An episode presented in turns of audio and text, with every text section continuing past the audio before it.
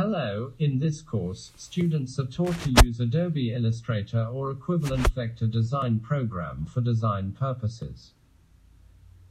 Students will be able to master the computer program as a design tool, creating a workspace, basic vector drawing tools, panels, layers, path properties, visual insertion and masking, color palette, brushes and illustration tools, rulers and grid system, preparing page layout, typography placement